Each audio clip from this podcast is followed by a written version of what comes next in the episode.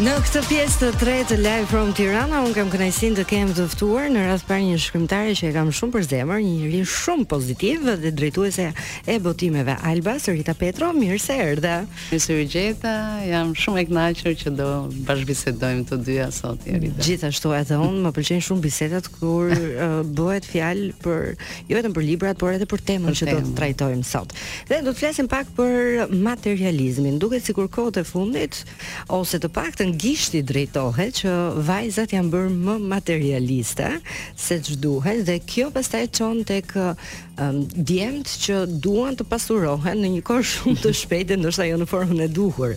A të duket që vajzat janë bërë më materialiste se dikur si ka ndryshuar ky raport i dashurisë së vërtetë? Shiko, ky është një problem i vjetër sa bota, që gjithmonë për gruan duhet të kujdeset dikush dhe që të kujdeset dikush duhet të jetë një një mashkull i mm. fortë mm. në kuptimin dikur një luftëtar i fuqishëm, i cili sillte dhe plaçkë, sillte pasuri, kjo vazhdoi në mesjetë, vazhdoi në romantizëm, Në kohën kalorësiake që gjithmonë burrat përpara grave duhet të uleshin, të përuleshin, t'i mbronin, t'i bënin, domethënë është diçka shumë, shumë e vjetër që lidhet pastaj dhe në kohët e sotme me atë edukimin dhe sidomos edukimin në disa familje mm -hmm. që vajza duhet të edukohet në një mënyrë të tillë që ajo është e brishtë dhe dikush gjithmonë duhet të kujdeset për të. Dhe dikush duhet ta shpëtojë. Dhe që po, dhe që vajza duhet të kujdeset sidomos për pamjen e jashtme të jetë sa më e bukur, Të jetë sa më e mirë, sa më sensuale, që të bjerë në sy dhe që të marrë tamam atë mashkull që meriton. E kush qenka ky mashkull që meriton kjo vajzë, atëherë ky mashkull që meriton kjo vajzë duhet të jetë patjetër një njeri që ka një status të fuqishëm, po edhe sikur mos ketë një status, të ketë para. Dhe këtu pastaj ngatërrohen gjithë gjërat. Mm -hmm. Duam statusin, duam paranë apo duam inteligjencën? te një mashkull. Po a vlen në këtë rast se, se ka shumë shprehje që lidhen edhe me pasurinë. Duket sikur ndonjëherë ne pasurinë edhe e keqinterpretojmë ose po, e, e gjykojmë, jo për mirë përgjithësisht, por këtu pastaj ka shumë degëzime. Po, po ndalem pak te kjo pjesa mm -hmm. e mirëqenies, do ta quaj mm -hmm. dhe të gjithë njerëzit kanë nevojë për mirëqenie. Nuk është se kanë nevojë vetëm vajzat, por edhe djemtë, mendoj. Dhe pse gjithmonë duket sikur është një gjë e keqe apo vjen puna tek mënyra se si e krijojmë këtë mirëqenie. E, ne në fakt nuk është se kemi shumë traditë, duke ardhur se 50 vjet nuk janë pak nga nga periudha e komunizmit, ku të gjithë quheshin që ishin të barabartë. Pra rrogat pothuajse ishin të barabarta, pa ndonjë ndryshim, shtëpitë pothuajse ishin njësoj, gjithçka ishte njësoj. Dhe duke ardhur nga kjo, ne filluam që klasën e atyre që filluan të bënin biznes ta shikojmë dhe sot e kësaj dite domethënë të shikohet me një sy të keq dhe të paragjykohen mm -hmm. njerëzit e pasur. Po midis këtyre njerëzve të pasur ka të gjitha llojet e njerëzve të pasur, ka dhe nga ata që i kanë e kanë bërë pasurinë me me me rrugë të pista, do thuhet që po mirë dhe ai ka punu ka rrezikuar, po jo çdo punë, jo çdo punë të ngre lart shpirtërisht, jo çdo punë ta sjell atë pasuri, atë mirëqenie që the ti Jerida, atë komoditet është komplet diçka tjetër, sepse kjo lidhet dhe me moralin, mm -hmm. me moralin e një shoqërie të caktuar.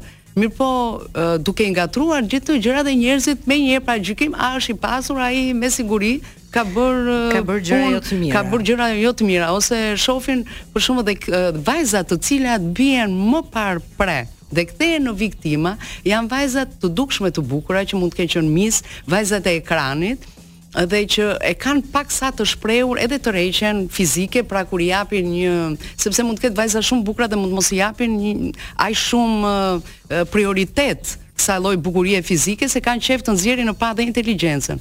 Po ke edhe vajza të tjera të cilat e kanë të dukshme që të japin prioritetin e vet tërheqjen fizike, tërheqjen sensuale, sepse mendojnë se duke i pasur këto, atëherë do tërheqin më të mirin, më të bukurin, do tërheqin dhe atë që është më i pasur, duke harruar që ato bien kaq shumë në sy sa gjithmonë bien pre dhe viktimë e atyre të cilët vërtet janë të fortë që janë pasuruar në një mënyrë komplet tjetër nga mhm. pjesa tjetër të cilët e përmendëm në një mënyrë të moralshme dhe duke rënë në sy të tyre dhe ata mendojnë që e meritojnë këtë vajzën më të bukur, më sensuale të ekranit dhe krijojnë këto lloj lidhjesh të cilat shpesh përfundojnë me drama të mëdha dhe ne e dimë shumë mirë që shumë dhunë dhunë ndaj gruas ka ndodhur ose në këto raste, mm -hmm. që këto janë lidhur këto vajza me meshkujt e fortë ose dihet në raste pastaj për punën e mentalitetit dhe në familje të cilat dhe ato janë ekstremisht të varfra dhe me një mentalitet komplet të vjetruar apo konservator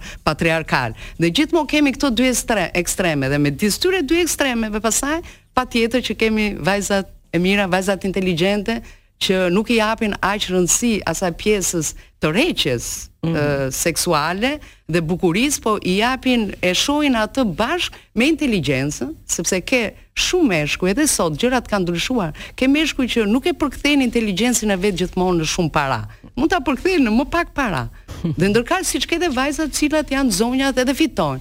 Po kur ky çift e do njëri-tjetrin, e vlerëson, kanë një adrenalinë bashkë, kanë një aventurë të bukur, mendoj se jeta bëhet shumë e bukur se ata janë do jenë dy luftëtarë që secili do sjelli të ardhurat dhe jeta është e bukur edhe me të ardhura mesatare, edhe normal kur ke dhe më shumë, po kur ke më shumë dhe nuk ke këtë lumturi, dhe ke gjithmonë konfliktin kush është më i forti, kush është më i zoti, Atëherë lindin ato probleme të cilat themi ne.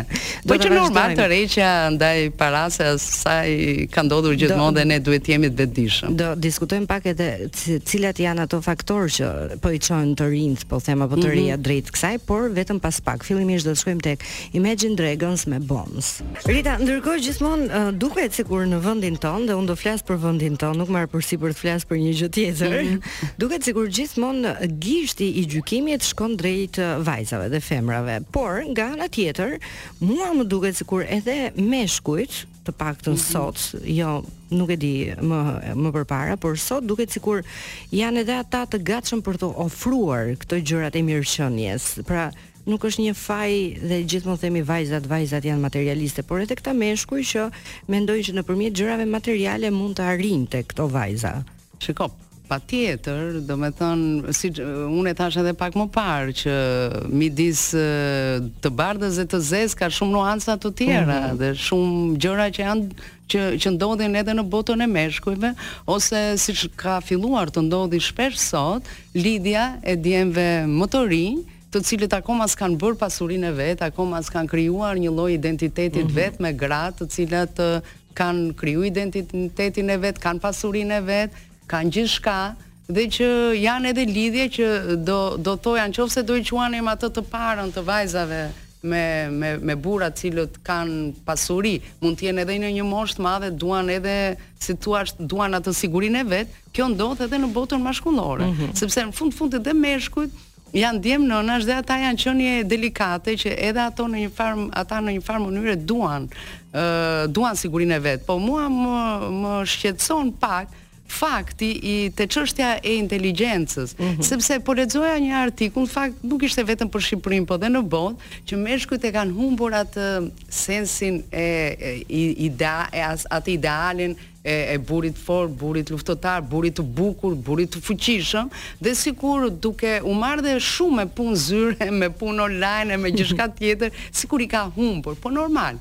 Të gjitha gjërat janë të përkohshme, çdo kohë ka modelet e veta. Mm -hmm. Po mhm. kjo nuk do të thotë se këta meshkuj nuk janë sensualë, kjo nuk do të thotë se këta meshkuj nuk janë tërheqës vetëm e vetëm sepse kanë pasion, kanë punën e tyre, kanë pasion teknologjinë, mund të arrijnë edhe të ardhura shumë të mëdha dhe në pamje të parë mund duken, mund mos duket ai ideali, ai princ ideali i mashkullit të fortë. Po që gjithmonë të paktën ndodh kjo gjë që ato femra, të cilat kanë janë vetë me një tërheqje seksuale që e kanë më të fuqishme, ato janë të prirura ndaj ndaj këtyre meshkujve që kanë edhe pamjen, po dhe në mos ketë pamjen kanë para. Ndërsa ato vajza dhe gra, të cilat kanë janë pak më të ftohta dhe nuk i japin një prioritet aq të madh, qoftë pamjes fizike, qoftë tërheqjes sensuale, ato janë të prirura për këtë lloj meshkujsh inteligjentë. që brenda një çifti mund të zbulosh gjëra me të vërtetë shumë më të mahnitshme se përpara atyre figurave që ne jemi mësuar stereotipeve, vajza me belin e hollë, e mm. rregulluar, mm. do me thënë, si të thuash, janë vërtet janë krijuar disa stereotipe sidomos te te te vajzat që merren më shumë me bukurinë e vet, por edhe te meshkujt janë krijuar këto lloj stereotipesh. Mbase mund të jenë edhe nga bota e e muzikës, mund të jenë nga bota e sportit, ato trupat e, e pikturuar që duken shumë interesante, mm -hmm. as diskutohet dhe është dhe po nuk e bënë ata, nuk ka kush e bën një gjë të tillë po që ata janë aq pak në raport me gjithë gjininë mashkullore dhe këto vajza aq pak në raport me gjithë ato që ne takojmë përditë në jetën tonë. Dhe po ajo që ndikon më keq do thoja sidomos te vajzat e vogla që janë në rritje. Mm -hmm. Ato duke u rritur me atë kujdesin e madh të familjes si dikush duhet të kujdeset për ty dhe ti do kujdesesh për bukurinë e gjithçka tjetër. Ato duke parë pastaj më pas edhe rrjetet në rrjetet sociale duke u bërë të varura, kthehen shumë shpejt pastaj pastaj që unë do t'i quaja në viktima të rrjetave, se seç më pëlqen shumë ta përdor fjalën rrjeta, rrjete sociale, rrjeta sociale. Ato janë që bien shumë më kollaj sepse i, duke i dhënë një prioritet jashtëzakonisht të madh, por nuk të bën, nuk të bën vetëm kjo gjë, nuk të bën vetëm të lumtur, Dhe, po të jesh po, e përsosur, se e përsosur ti nuk je asnjëherë. Jo, mund të bësh një foto të përsosur, mm -hmm. po nuk është foto e përsosur. Po prapë nuk është e përsosur. Nuk është foto e përsosur ti, jo, dhe mund të jetë. Po, Sepse po përdorin filtra dhe gjëra po, prapë në një vetë vetë është e përpunuar. Po nuk je ti, si foto mund të jetë e përpunuar, po nuk je ti. sepse të gjithë njerëzit kanë kanë gjëra shumë të mira. Puna është të zbulosh te vetja gjërat e tua më të bukura dhe me me këto me këtë lloj uh, si thua ti të kesh besim ke vetja, duke pasur besim ke vetja, edhe mashkulli që do kërkosh do të jetë i tillë që ai të ta shtojë ty besimin ke vetja.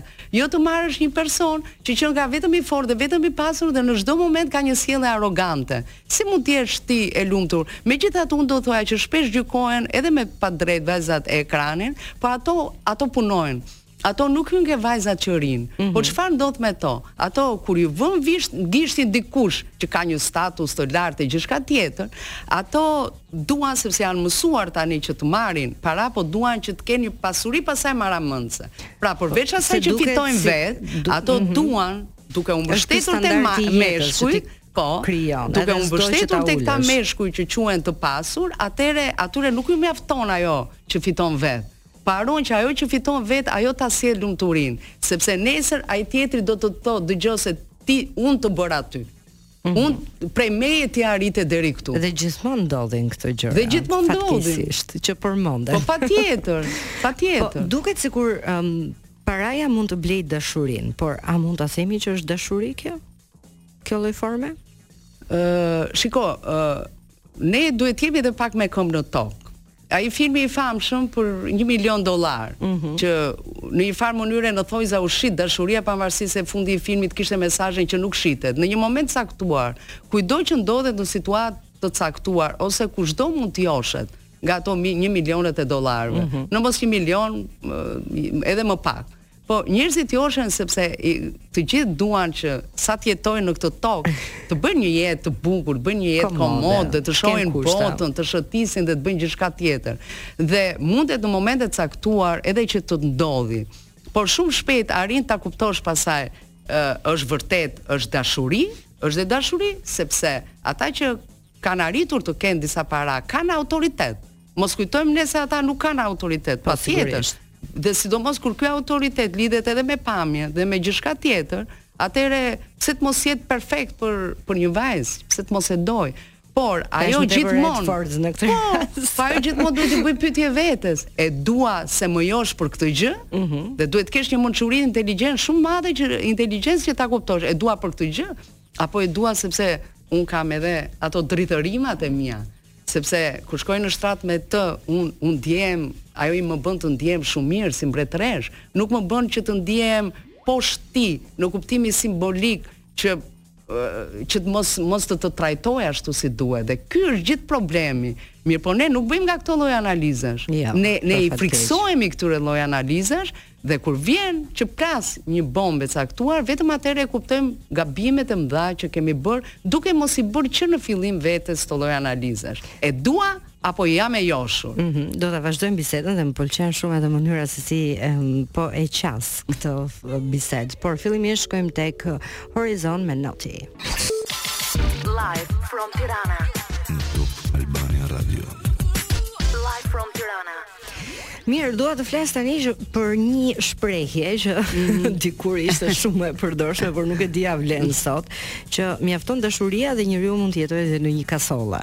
Është shprehje shumë e bukur dhe kur e mendon në një moment, në një çast romantik, çdo çift do ta dëshironte, sidomos ne vajzat që lexojmë gratë, lexojmë libra, libra romantike, gjithçka tjetër, dhe ajo kasollja kthehet papritur në një vend aq të mrekullueshëm atje në mal, që ke ndezur oxhakun atje, që dashurohesh, mund të pish një gotë verë ta kesh me vete dhe gjithçka të duket shumë e bukur, por mhm. jeta të ofron komplet diçka tjetër. Kështu që ai mit normal që është një mit që bie, edhe ajo kasollja do shndërrohet në një shtëpi në mal, të cilën ti duhet ta kesh përveç apartamentit tënd ose shtëpisë që do kesh në jetën e përditshme. Pra ta kesh vetëm për atë pjesën e bukur romantike për një shëtitje, po jo për të jetuar.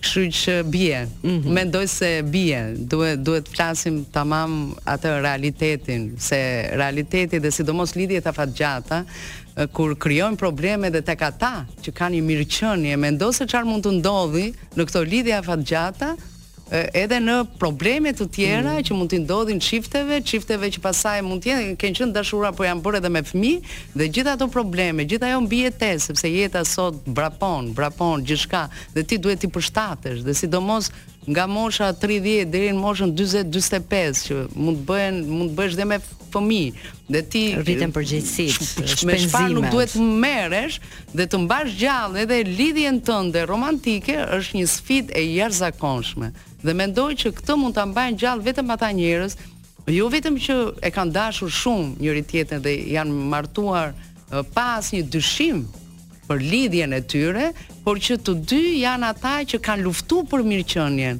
E di, nuk e di, kjo më pëlqen shumë kjo 50-50, 50 mm. me 50. Mhm. Nuk ka gjë më të mrekullueshme. E di, e di sa bukur shkon një marrëdhënie e tillë, e kam provuar dhe vetë. Edhe e nisëm, nisëm biznesin tonë, kompaninë e librave, e nisëm nga zero dhe duke pasur pasionin bashkë dhe duke luftuar bashkë arritëm, arritëm shumë. Jo, jo gjithmonë çifteve mund të ndodhi, por ka çifte të cilët mund të kenë pasione të përbashkëta dhe mund të luftojnë së bashku dhe nuk ka gjë më të bukur kur ia arrin së bashku sepse të duket sikur dhe dashuria, ëh, mm -hmm. dhe dashuria mba mbahet gjallë. Mhm. Dhe në fakt kjo që përmende është shumë e bukur, se edhe spunton për këtë temë ne uh -huh. e morëm nga një aktore që tani nuk më kujtohet emri, por që e nis tregimin e saj të jetës se si u njoh me bashkëshortin dhe ishin dy njerëz që po përpiqeshin, pra mm -hmm. nuk ishin askushi në atë moment, por u dashuruan dhe vazhduan të ecnin në të njëjtën rrugë për të rritur njëri tjetrin dhe mm. sot ata kanë një mirëqenie shumë të mirë. Po duket sikur kjo është utopike dhe nuk e di pse njerëzit nuk marrin këto lloj shembujsh, të rinjtë po, po, përgjithsisht, po, po shkojnë gjithmonë tek ajo pjesa e shkëlqimit të rrjeteve sociale për fat të keq. Po a, si thua imazhi, mm -hmm. vetëm ajo pjesa e jashtme që pas asaj fshihen shumë gjëra pa ata, asnjëri nga ne nuk i sheh dramat. Fund fundit kushdo nga ne kur poston diçka, Ti poston sukseset e tua, poston arritjet dhe normal nëpër portale ka dhe gjëra të këqija që ndodhin që ne ne po ne lexojmë gjithmonë pothuajse të dy ekstremet, mm -hmm. ose ekstremin e gjërave të dëmshme dhe të këqija që ndodhin ose pjesën tjetër, atë shkëlqimin, që shpesh mund të jetë edhe i vërtetë, po mund të jetë edhe shkëlqim i rremë. Dhe patjetër që të duhet një lloj inteligjence, që ti vetë si person, si vajzë ose si djalë të marrësh atë që do nga gjithçka që sheh në botën përreth, edhe të bësh atë gjën tënde, të bësh atë gjën origjinale dhe të zbulosh ke vetja, e thashë dhe pak më parë. Çdo njeri ka inteligjencën e vet, ka pasionet e veta, ka hobin e vet. Pse mos gërmosh ke vetja, po të gërmosh ke të tjerët? Problemi më i madh i joni është që nuk gërmojmë tek vetja. Po gërmojmë te historitë e të tjerëve. Sikur të bënim analiza siç bëjmë dhe harxhojmë orë të tëra duke u marrë me të tjerët dhe me jetën e të tjerëve ose ça ndodh te tjetri. Po të bënim këto analiza për jetën tonë. Ja u them unë me bindje që jeta jonë do ishte shumë shumë e bukur dhe jeta e atyre njerëzve të cilët merren me veten e tyre me problemet e tyre dhe problemet e jashtme mund të japin mendim për problemin e jashtëm. Po ta jep si mendim për një fenomen, nuk ta jep mendim uh, si thashethem. Mm -hmm ça bëri komshiu, shkoi këtu, exact, erdhi këtu, bëri këtë. Po si fenomen. Kjo është që ne merremi ende për fat të keq. Patjetër, dhe ajo të bën që ti duke diskutuar edhe në çift, edhe me veten tënde, të gjesh kohë për të biseduar me veten tënde, mendoj që jeta mund të jetë shumë shumë më e mirë. Ke dhënë një mesazh shumë të bukur. Duke qenë se jemi në fund, dua të të pyes pak edhe në lidhje me atë ushqimin shpirtëror që ti ke mm -hmm. të shkruarit. Je duke shkruar diçka në këto momente, po. do ketë një botim prej teje, di që pati shumë sukses romani yt i parë, dhe të po, romani i Lindur së prapthi pati goxha sukses dhe vazhdon të ketë, por mua është një kënaqësi shumë e madhe sepse vazhdimisht më shkruajn dhe e kam kuptuar që njerëzit duan të lexojnë gjëra për shpirtin e tyre. Mm -hmm. Duket sikur janë të tërhequr vetëm nga ana jashtme, por jo. Ka shumë njerëz të cilët duan të lexojnë çfarë ndodh me botën time të brendshme. E njëjta gjë, uh, un iu rik, po i rikthem prap dashurisë parë, po shkruaj për poemën e mungesës, edhe që është një mungesë, uh, jo vetëm mungesë si thua kozmike, jo vetëm Mungesë filozofike, po mungesa dhe të jetës sonë të përditshme. Pra, për ato gjëra të cilat njerëzit flasin më pak, po e ndiejnë më shumë, mm. mungesën e gjërave të rëndësishme në jetë. Sa bukur. Mirë, un dua të të falenderoj dhe sigurisht do të kem sërish në studio për të folur për tema të tjera dhe pse jo edhe për po poemën e mungesës, më dhe një indicie shumë të bukur edhe për ta bërë si temë përpara oh. librit. Të falenderoj shumë Rita që ishe me mua. Edhe për mua ishte një kënaqësi e madhe. Faleminderit. Kemi ardhur në fund, miq, si pa kuptuar, unë dua t'ju falenderoj të gjithëve për dëgjimin në radhë të parë. Dua të falenderoj edhe mikun tim përtej xhamit DJ Danko. Muah, puthje edhe për ty dhe në fund mos harroni, nëse mund ta ëndërrosh, mund ta bësh.